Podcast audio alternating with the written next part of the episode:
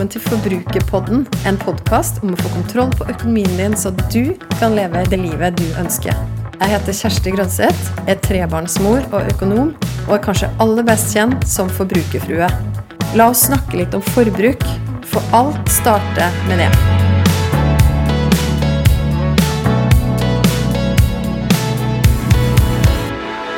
Drømmer du om å eie din egen bolig? Hvordan kan du realisere drømmen og samtidig ha råd til å leve der etterpå? Eller hvordan kan du skape drømmeboligen av det du allerede bor i? Dagens gjest i studio var min aller første gjest her i Forbrukerpodden i januar i år. Den gangen var jeg for å svare på om det er mulig å bli rik på et år, etter at hun hadde rydda opp ganske kraftig i sin egen økonomi. Jeg snakker selvfølgelig om Marie Olaussen, også kjent som Hvordan bli rik. Hjertelig velkommen tilbake. Takk for det, Kjersti. Så fint å ha deg her. I like måte. Du, vi skal snakke litt om bolig i dag. Mange kjenner jo deg som eh, økonomiinfluenser. Får lov å kalle deg det? Men det er kanskje ikke like mange veit, at du har jo også en tidligere karriere som interiørblogger bak deg. Jepp. Kan ikke du fortelle litt om eh, fattighuset.blogspot.com? Er ikke det en fantastisk adresse? Jeg elsker den. Det var bloggen din. Det var bloggen min. Den fins fortsatt. Den fins fortsatt. Den eh, slutta plutselig brått en dag i 2013, hvis jeg husker riktig. Ikke sant? Eh, ja, den bloggen den kom eh, da jeg var i mammapermisjon for første gang, fordi jeg fikk sånn vanvittig skrivekløe. Og så så jeg meg rundt, og så tenkte jeg hva kan jeg skrive om nå? Eh, Og da sto jeg midt oppi et kjempestort eh, renoveringsprosjekt av det gamle fattighuset i Holmestrand. Eh, Og det var jeg og mannen min som kjøpte like egentlig etter at vi ble kjærester. Eh, Et kjempehus for én krone. Et hus for én krone. Et hus for én krone. um, og det var det er altså det gamle fattighuset i Holmestrand. Um, det var mine oldeforeldre som dreiv det. Det visste jeg faktisk ikke da jeg begynte å lukte på det prosjektet her. Um, og eh, farfaren min er født i det huset, for det var da de bodde i bestyrerleiligheten. Um, og så var jeg lokalavisjournalist i Jarlsberg Avis. Um, og så hadde jeg hørt at Altså, jeg visste at det skulle selges eh, fordi at eh, det var så dårlig at Holmestrand kommune ikke lenger kunne ha byens løse fugler boende der. Det var rett og slett eh, kommunale boliger, og det var, det var sånn at der låste de og åpna dørene med øks. Det, det var masse bra folk som bodde der, men de hadde mye å slite med. Mm. Eh, Og de hadde ikke så god boevne, og det var veldig lett å se på det huset. Og så uh, var det i 2003 så begynte Riksantikvaren å jobbe med å få freda huset. Eh, og da er det jo sånn at eh, det er ikke så veldig lett å gjøre noe med hus som er freda. Og spesielt ikke når det er sånn ja, Det var fra 1860, nei, 1762. Eh, Og det var jo bygd som en institusjon, så det var da i første etasje og i andre etasje en 18 meter lang gang, to Oi. meter brei, og så med rom inn på hver side. Ikke sant? Der bodde fattiglemmene Ja. eh, i hvert sitt rom. Um, så det var vanskelig på en måte med grunnplan da, å gjøre noe enkelt for å tjene penger på det huset. Um, og så var det så mye, mange varianter av liksom, forslag til som, hvordan det huset kunne løses, uh, uten at det kom noe svar. Og så hørte jeg i, liksom, i lunsjen i et møte på rådhuset da jeg var der som journalist, at uh, noen mente at det var bare egentlig å kvitte seg med det huset, for det var en byrde, og det kunne ikke Holmestrand kommune ha, liksom, ta på seg da, det ansvaret. Og så hørte jeg også at noen foreslo at kanskje vi bare selger det for en krone. Eh, og jeg løp tilbake til redaksjonen og skrev de selger fattighuset for en krone. og så begynte jeg å ringe rundt til eiendomsutviklere lokalt. da. Og så sa jeg sånn en, en krone, Det er bare én krone, dere har vel en krone? Det er et kjempestort hus, og det er kjempesentralt. Det er rett ved jernbanen, midt i byen. Um, og det har vært sånn, sånn Den ene sa 'brenn det', og den andre sa 'riv det', og den tredje holdt på å le seg i hjel, så jeg nesten fikk liksom vondt i øra i telefonen. Uh, og så ble det liksom, ja, så mye fram og tilbake, men så tenkte jeg en dag Men jeg har jo én krone, og jeg er jo veldig glad i å pusse opp. så eh, Ja, og så eh, Han som jeg var kjæreste med da, han var også veldig god til å pusse opp. Eh, og etter hvert så gifta vi oss, og etter hvert så fikk vi jo barn. Og, eh, og før, før, vi fikk barn, så fikk vi altså kjøpt det huset for en krone, da. Og det ja, Dere endte liksom med å kjøpe det huset? Ja, kjøpte det huset for én krone. Overførte én krone i nettbanken, og det var min start på vei inn i boligmarkedet.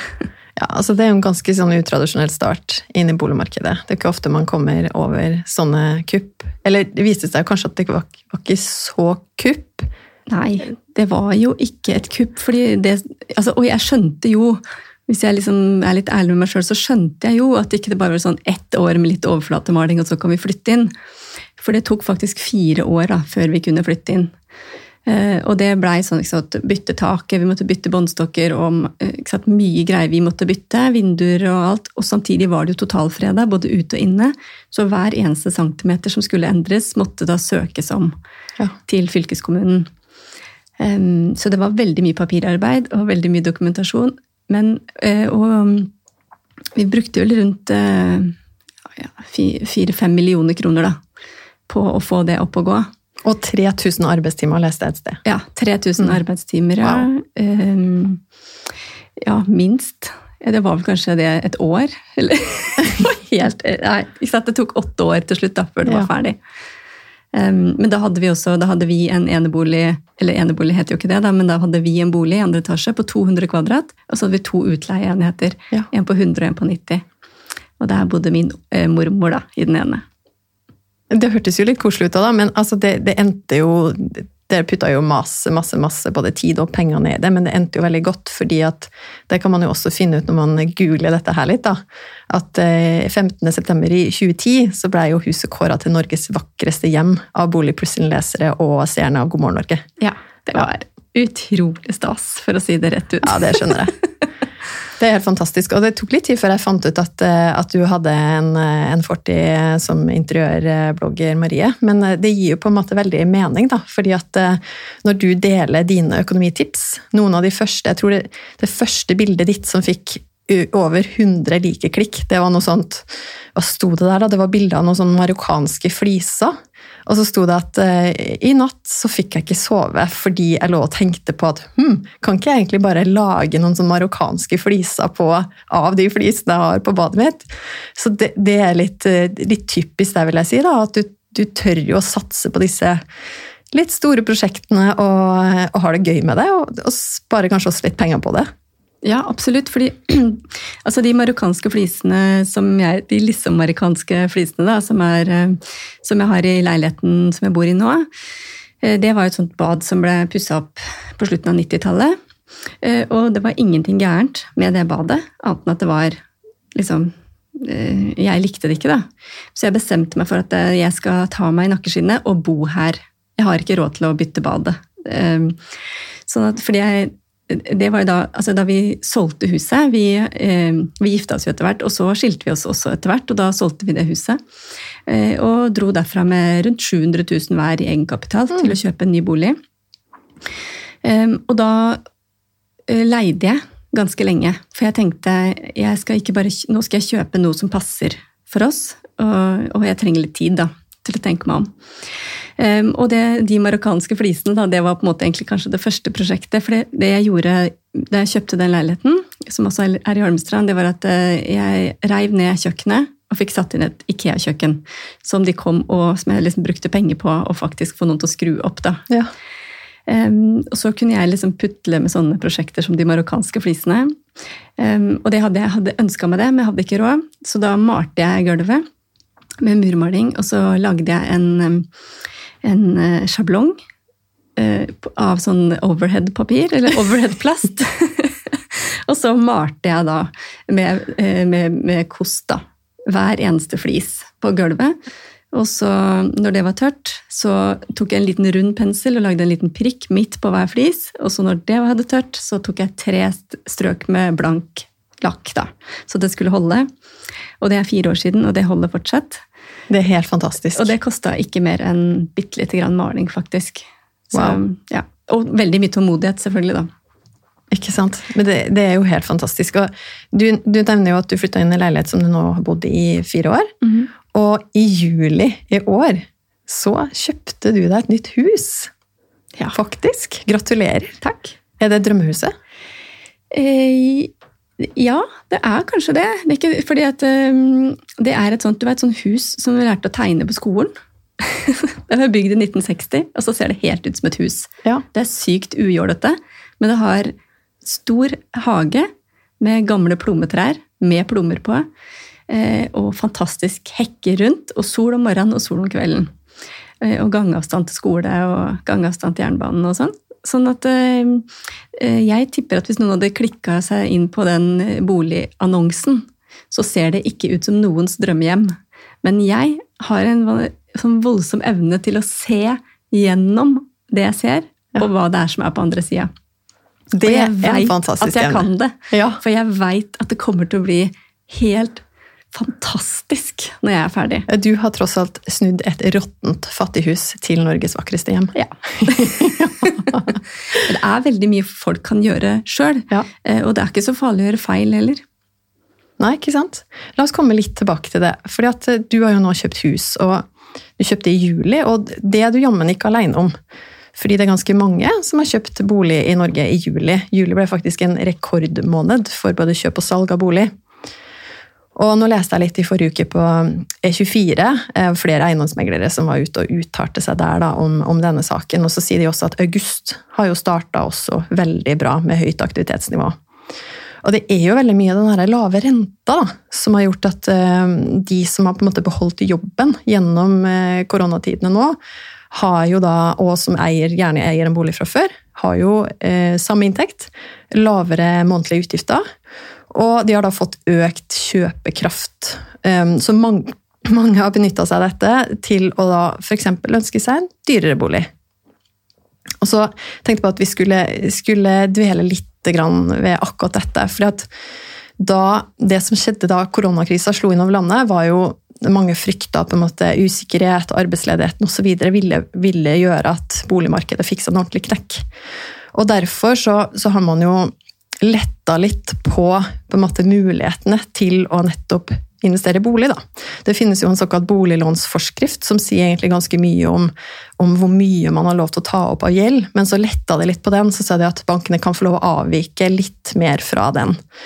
Um, og så leste jeg i denne artikkelen i E24 at uh, Forbrukerrådet har gått ut og sagt at de ønsker å stramme den inn igjen, for at de ser Det var jo meint for å skape større fleksibilitet i en ekstraordinær tid. Men nå er de bekymra for norske husholdninger, sånn som de uttrykker da, gjeldsopptak. Uh, det sier Inger Lise, som er sjefen for Forbrukerrådet. Uh, og det, jo, det, ser jo ut som det er grunn til bekymring, for i samme artikkel så står det at Norge ligger på verdenstoppen i gjeld med over 200% gjeld i forhold til inntekt. Um, og så sier jo Forbrukerrådet at de var jo positive til dette unntaket, da, at de letta litt på denne forskriften fordi at um, ja, det var på en måte viktig i en sammenheng. Mange fikk jo inntektsgrunnlaget litt redusert, samtidig som Nav hadde jo problemer med utbetalinga, så mange som ikke fikk pengene sine på en stund. Men nå har jo på en måte boligprisene økt så mye at det er liksom spørsmål om behovet fortsatt er der. Marie, hva tenker du om det med boliggjeld? Og når du hører på en måte disse faktaene her, de, de tallene og statistikkene, tenker du at vi som nordmenn bør være litt mer forsiktige med det? Jeg er i hvert fall veldig opptatt av at folk ikke skal bo seg i hjel. For det er fint å ha et bra sted å bo, men uh, altså den eneste måten Det eneste måten jeg kunne kjøpe meg en ny bolig nå, det var å kjøpe en bolig som, var, som hadde på en måte oppussings potensial, eller Ikke sant? Um, mens faren min sa du Marie, det hadde ikke vært deilig med noe nytt, da. Mm. uh, jo, det hadde det, men da måtte jeg tatt opp så mye lån at hadde vært, jeg hadde vært ukomfortabel. Jeg måtte liksom på en måte nedprioritere andre ting i hverdagen. da. Mm. Uh, og igjen, nå er det jo liksom 1,6, uh, 1,7, 1,8 i boliglån. men et boliglån er jo såpass stort at vi veit ikke hvordan renta ser ut om fem år. Mm. Um, og fortsatt er det jo mange som har usikre jobber. Det kan fortsatt, altså, jeg har sittet og laga konkursoversikt for Vestfold i dag. Det var bare fire konkurser som ble registrert, nye konkurser i forrige uke. Men, men, men inkassobransjen og, um, og bankbransjen og skattevesenet de venter jo bare på Mm. et ras med konkurser. Eh, Fordi det har jo vært så mange nå det har vært så mange tiltak som gjør at eh, bedrifter har overlevd litt til Mm. og litt til og litt til, i håp om å på en måte få stabla økonomien sin enda mer på, på beina. Så jeg tenker at det er flere som kommer til å slite framover. eh, Og mange som ikke gjør det. Mm. Eh, Men det, man må bare regne på det, og, og, og være streng med seg sjøl, tror jeg, på hvor mye skal du pushe den eh, Hvor mye lån du skal ha til bolig. Mm. Og så er det jo Altså, bolig er jo på en måte snill gjeld, hvis det er lov å si det sånn. Det er den laveste renta, og, og, og, du har, og da har jo banken din regna på at det er verdi i boligen din. Mm. Så hvis ikke liksom boligmarkedet går rett på snøret Men det gjorde den en gang eller to i min barndom. Og jeg Mm. husker veldig godt at vi hadde 18,5% rente. Ja. Og, det, og da spiste vi altså bare grøt. Det var skikkelig god grøt, men det var altså så mye grøt og tomatsuppe. Eh, Sånn at, eh, sånn at det, det, alle må bare regne og ikke ta noen risiko, på en måte. Ikke, ja, jeg vil i hvert fall ikke anbefale det. Mm. Vær trygg. Og ha, for det, det jeg ser nå, er at det er flere som har tatt opp billån, og så har de tatt opp andre typer lån, og så av de som på en måte har klart seg, da. Og så begynner de å få veldig høy gjeldsgrad, og så er det flere som har tatt kontakt med meg som sier at de begynner å få litt sånn Nå begynner de å få litt vondt i magen. Mm.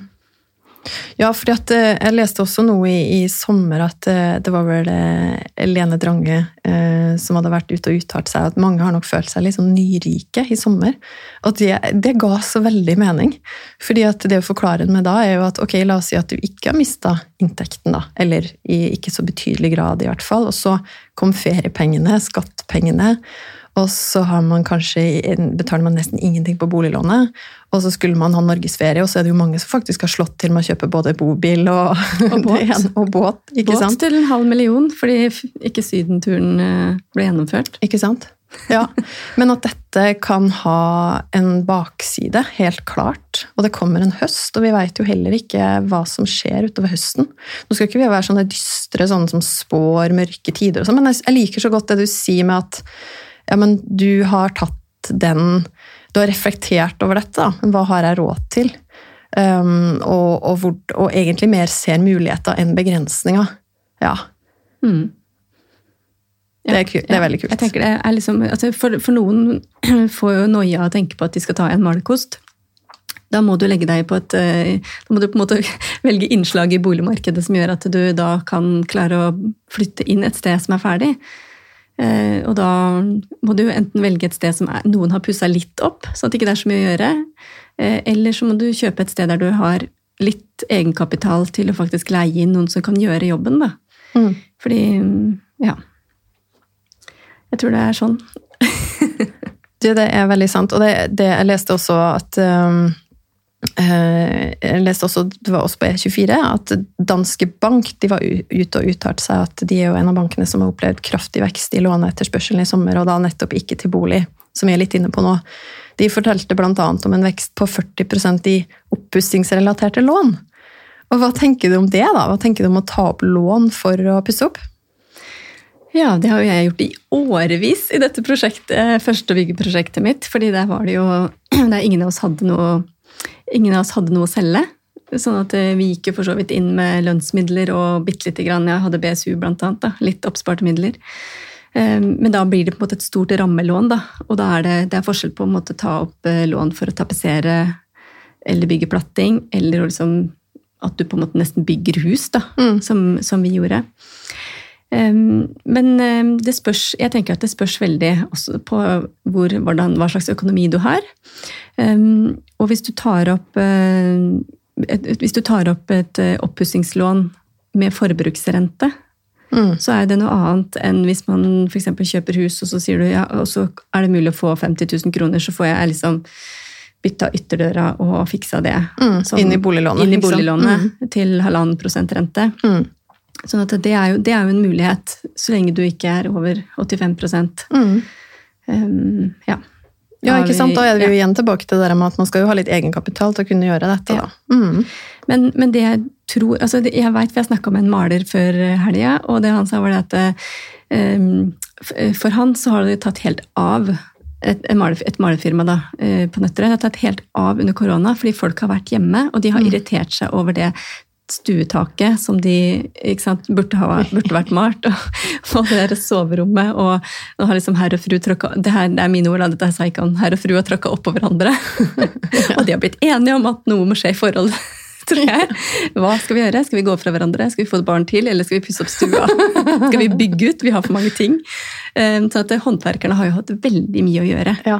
Um, og jeg tenker at det, det, er en mulighet å gjøre det hvis du har penger. Uh, det er også en mulighet til å sette av penger til du har dem, istedenfor å låne dem. da. ja. Være litt tålmodig. Ikke sant? Du sparer til oppussing. Jeg sparer Du tar ikke opp eh, lån. Nei, nå får vi se hva det blir til slutt. Så jeg skal jo selge leiligheten min nå i løpet av neste uke. Eh, håper jeg får helt vanvittig mye penger Ja. til oppussing. Ikke sant? For det er noe som kommer til å gå.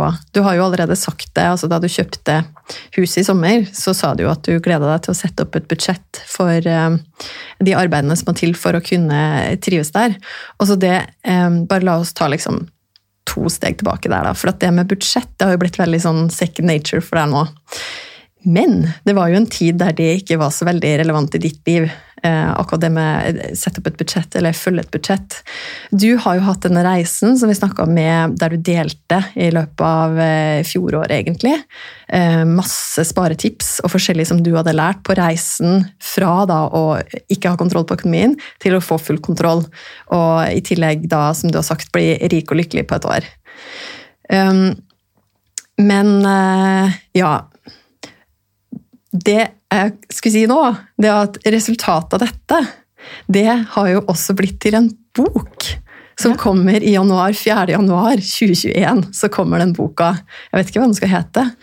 Eh, nei, Vet det du? er jo det siste som blir bestemt ofte. Ja. Men eh, jeg foreslår noe et eller annet med hvordan bli rik, så får vi se hva, det, hva, hva, ja, hva forlaget bestemmer seg for til slutt. Sammen med meg, da. Skal Ja. bli enig. Og det er kjempespennende. Jeg gleder meg masse til å lese den boka. Men der snakker du jo del, en del om dette med bolig. Ja. Og, og, og du har sagt til meg også at dette med eh, det svære prosjektet som dere gjorde, altså kanskje det var det litt sånn der eh, utgangspunktet for å miste litt kontrollen på økonomien? Ja, jeg tror det fordi det var så kjempestort og helt uoversiktlig. Ikke sant? Det ble til slutt var 400 kvadratmeter. Og vi hadde jo en idé om at vi sikkert fikk lov å Alle, alle måtte jo skjønne at eh, det måtte altså Det var åtte leiligheter da vi tok over, bitte små, og det var ett bad. På deling eh, for de åtte leilighetene. Så vi tenkte jo at eh, noen kommer jo til å si at det er greit å bygge to bad til, sånn at vi kan ha ett et bad i hver eh, boenhet. Da. Men det var det ingen hos Riksantikvaren som syntes var noe smart i det. Så eh, de syntes det var mye smartere at vi da bygde et nytt hus på utsida av huset, og der lå ny trapp opp til andre etasje og to bad og to små doer. Um, og det er jo ikke sånn som vi hadde med i budsjettet. Nei. Altså, da blir det fire våtrom og et trappeløp uh, over to etasjer pluss fullt loft. Mm. Um, og det, vi hadde jo på en måte ikke noe valg. da. Ikke sant? Vi først hadde kjøpt det huset, og så hadde vi lagt, begynt å få gjeld, og, og fortsatt var det ikke lov mulig å bo der. Og det var liksom Ja, det blei liksom helt uh, Mye løse tråder, da. Mm. Um, og da kom det plutselig kom det en regning på 400 000 fra de Og det var jo greit. Det var jo verdt 400 000, det de hadde gjort. Og så kom rørleggeren, og det var 300 000. Og så så ble det så vanvittig store regninger. Og så søkte vi om penger fra Norsk kulturminnefond, og så fikk vi penger derfra. Og så søkte vi penger fra, kultur, fra Riksantikvaren, og så fikk vi noen penger derfra. Og så var det litt, ja, ikke sant, noen gaver, og så kom det folk på dugnad, og så var det eh, ganske uoversiktlig, da. Um, og hadde jeg liksom vokst opp med at jeg hadde mitt eget budsjett, eller hadde hatt budsjett mens jeg var student, eller noen gang tenkt på ordet budsjett, det hadde jeg jo aldri tenkt. Hva da, budsjett? Det hadde jeg, jeg har vært kommunaljournalist i mange år og fulgt kommunens budsjett, så jeg visste at det var om å gjøre å ikke bruke mer enn de hadde, selv om de gjorde det hvert år i kommunen. um, ja. Nei, så jeg, jeg tror det var litt sånn. Det Ja. var mye ut og inn, og det var uforutsigbart. Og det var to lønninger, og så kom det noen Og så når vi etter hvert kunne bo i huset, så kom det også inn inntekter fra leieboerne. Sånn at eh, mens vi bodde der og var gift og hadde to faste inntekter og to utleienheter, så var det bra butikk, på en måte. Mm. Um, og da hadde jeg vet ikke, jeg tenkte aldri på hva jeg brukte av penger. Jeg bare brukte, og så gikk det bra. Var jo alltid, og, så, ja. og så hadde vi plutselig kredittkort òg, for det, det ville jo bankene gi oss.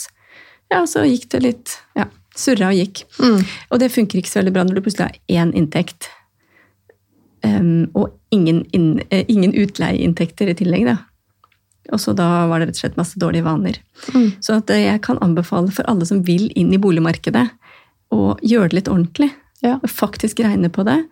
Og, og finne ut av hvor store oppussingsprosjekter du har råd til. Mm.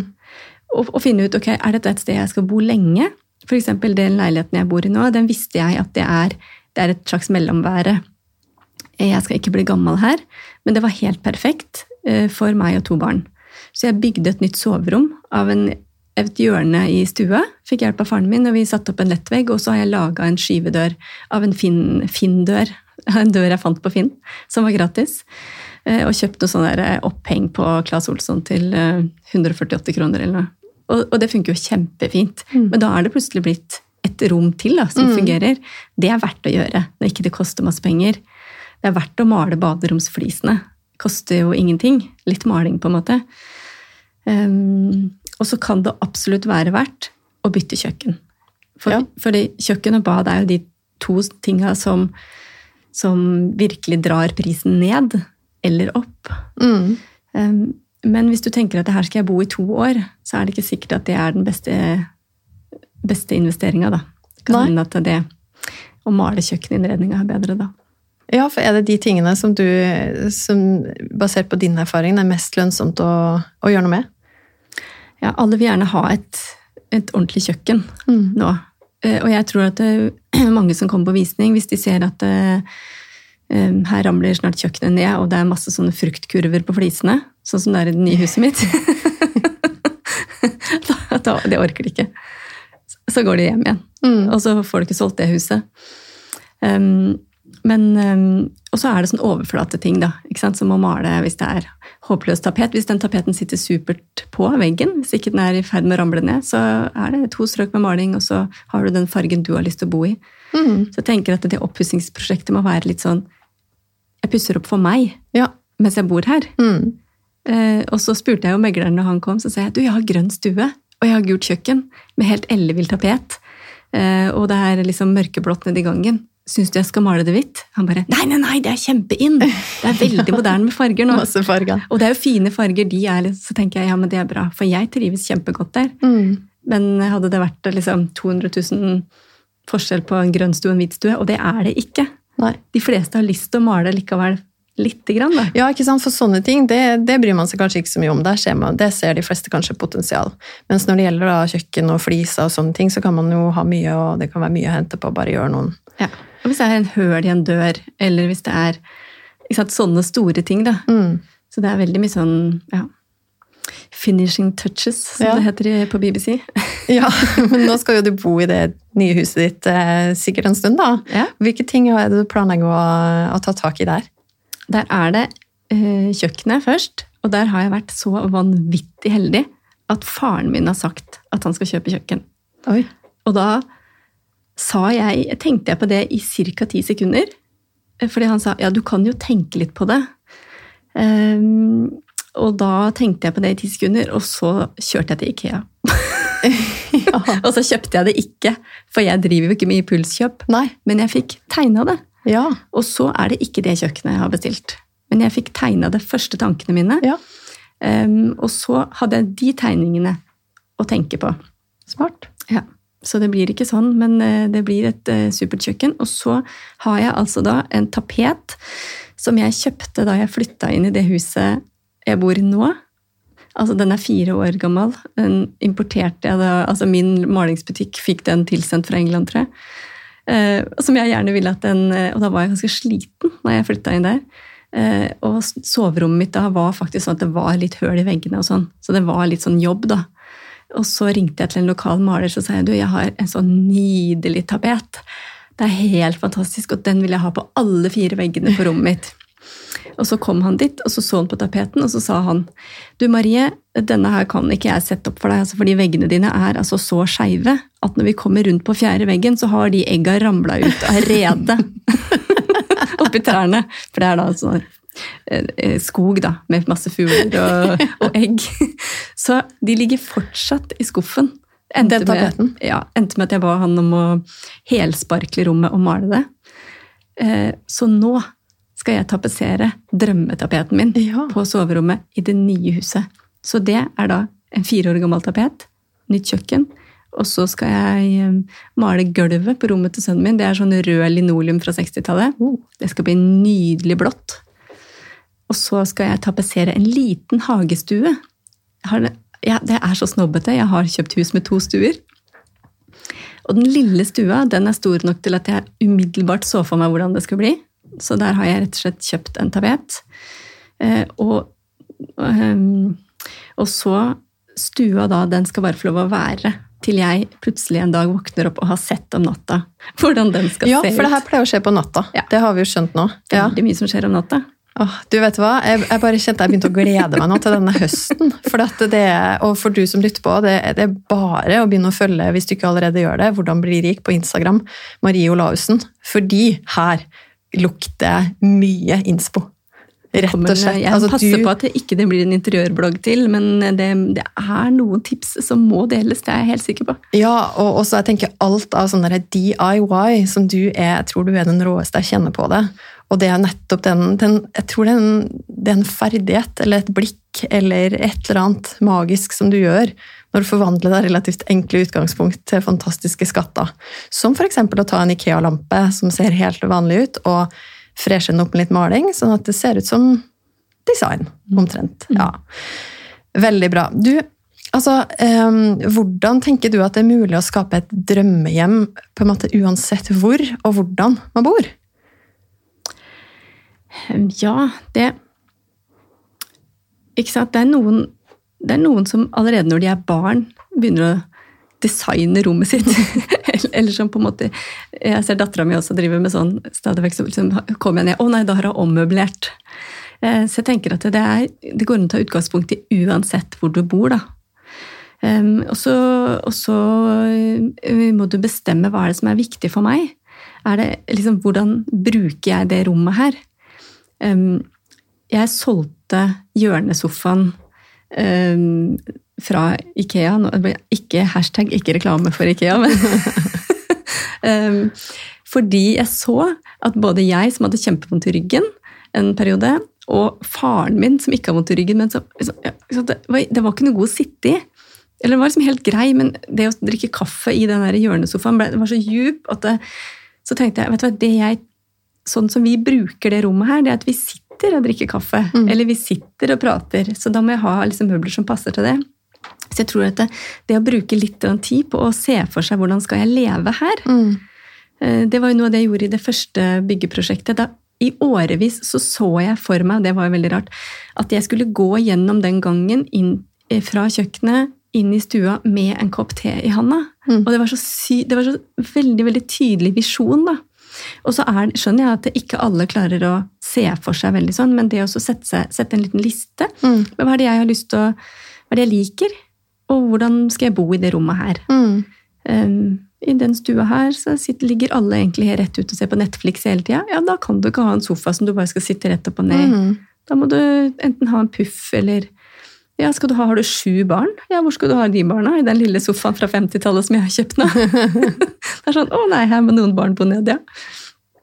Eh, ja, og så det er jo sånn Hvis du skal lage et nytt kjøkken eller flytte inn på et kjøkken også, hva er det som er viktigst for meg? Mm. Ja, Er det det at jeg liker ikke å lage Jeg liker ikke å bruke mye tid på å lage mat? Kanskje du trenger en mikrobølgeovn? Ja, da må du ha plass til den. Mm. Eller hvis du elsker lange frokoster, ja, da må du ha plass til et bord der du kan sitte og spise frokost. da. Men jeg må ta utgangspunkt i her lever jeg, og hvordan lever jeg? Og hvor mange er vi som skal være her i det rommet? Og så, og så tenke litt på ja, hva slags farger liker jeg, og, og hvor mye, mye tid og penger har jeg lyst til å bruke på det her. Veldig smart. Du, det var inspirerende.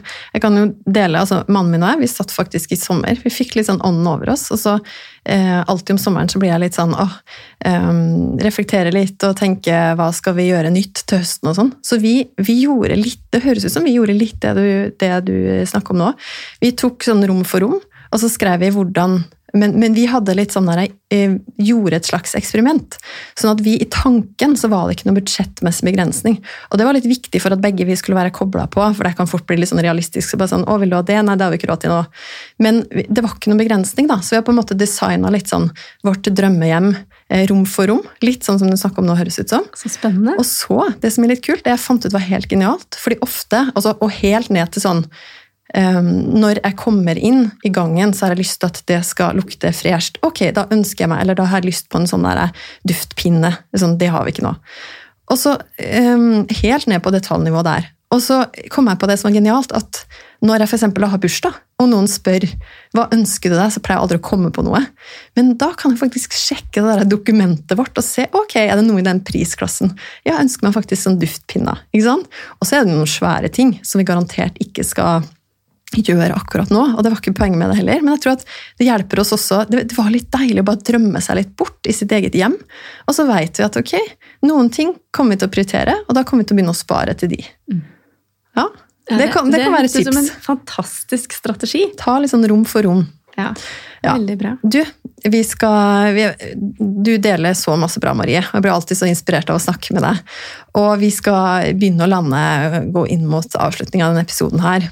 Eh, Jeg har lyst til å spørre deg, altså hva, litt sånn bortsett fra disse tingene som vi snakker om nå, da, hva er det som skaper et hjem for deg? Jeg tror det har mye med eh, de vanene du klarer å legge inn, legge inn i hverdagen. For meg så er det f.eks. det å ha altså Før så hadde jeg masse bøker framme. Jeg hadde et bibliotek i det gamle huset. Um, og nå, det, nå det, har det ikke vært plass til det, men jeg har fortsatt bøker i hylla, og jeg elsker å kunne liksom gå og ta ut en bok. Uh, og at det er i nærheten. At jeg kan liksom rydde vekk, eller Jeg er jo veldig uryddig, da, så jeg trenger ikke rydde bort heller, men legge bort da, en bok jeg holder på med.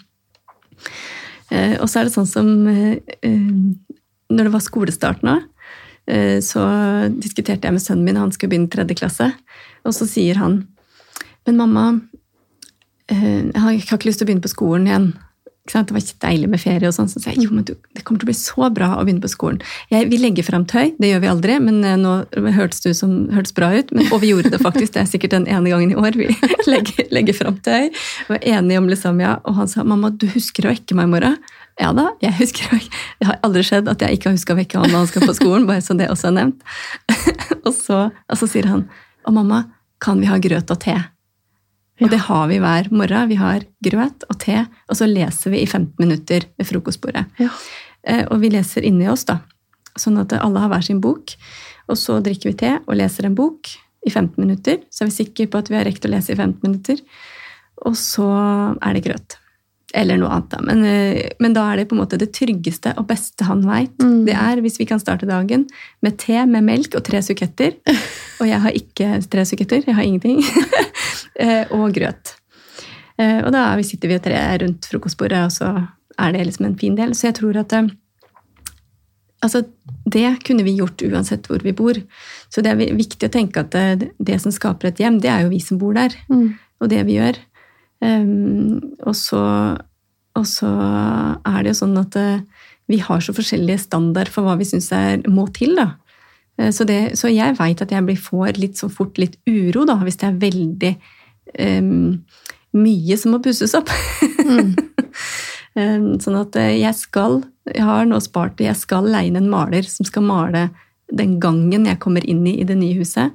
Fordi det er så høyt under taket i trappa, og jeg ble ryggoperert i desember, og jeg skal ikke gjøre det. Jeg skal ikke gjøre alt sjøl i det Mm. huset her. Jeg må spare underveis til å få hjelp av håndverkere. Mm. Så, men alle ideene skal være mine. Og jeg tror det er det som skaper et hjem, at du sjøl bestemmer hvordan du vil ha det, Mm. og hvordan du vil bo i det huset. Det er helt fantastisk. Du, jeg vil avslutte med å ønske deg masse lykke til med alt den høsten her. Det blir så spennende å følge med. Altså leilighetssalg og innflytting og oppussing, og jeg er sikker på at du kommer til å inspirere mange, mange i løpet av høsten. Tusen takk for at du kom og var gjest her i studio i Forbrukerpodden, Jan Marie. Takk for at jeg fikk komme, Kjersti. Jeg vil gjerne vite hva du tenker etter å ha hørt episoden. så koble med meg på Instagram. Der finner du meg som forbrukerfrue. Send meg en melding. Tagg meg gjerne i Story og del episoden her hvis du likte den. Eller send meg spørsmål. Og husk å abonnere på podkasten Forbrukerpodden, så får du beskjed hver gang det kommer en ny episode. Vi høres!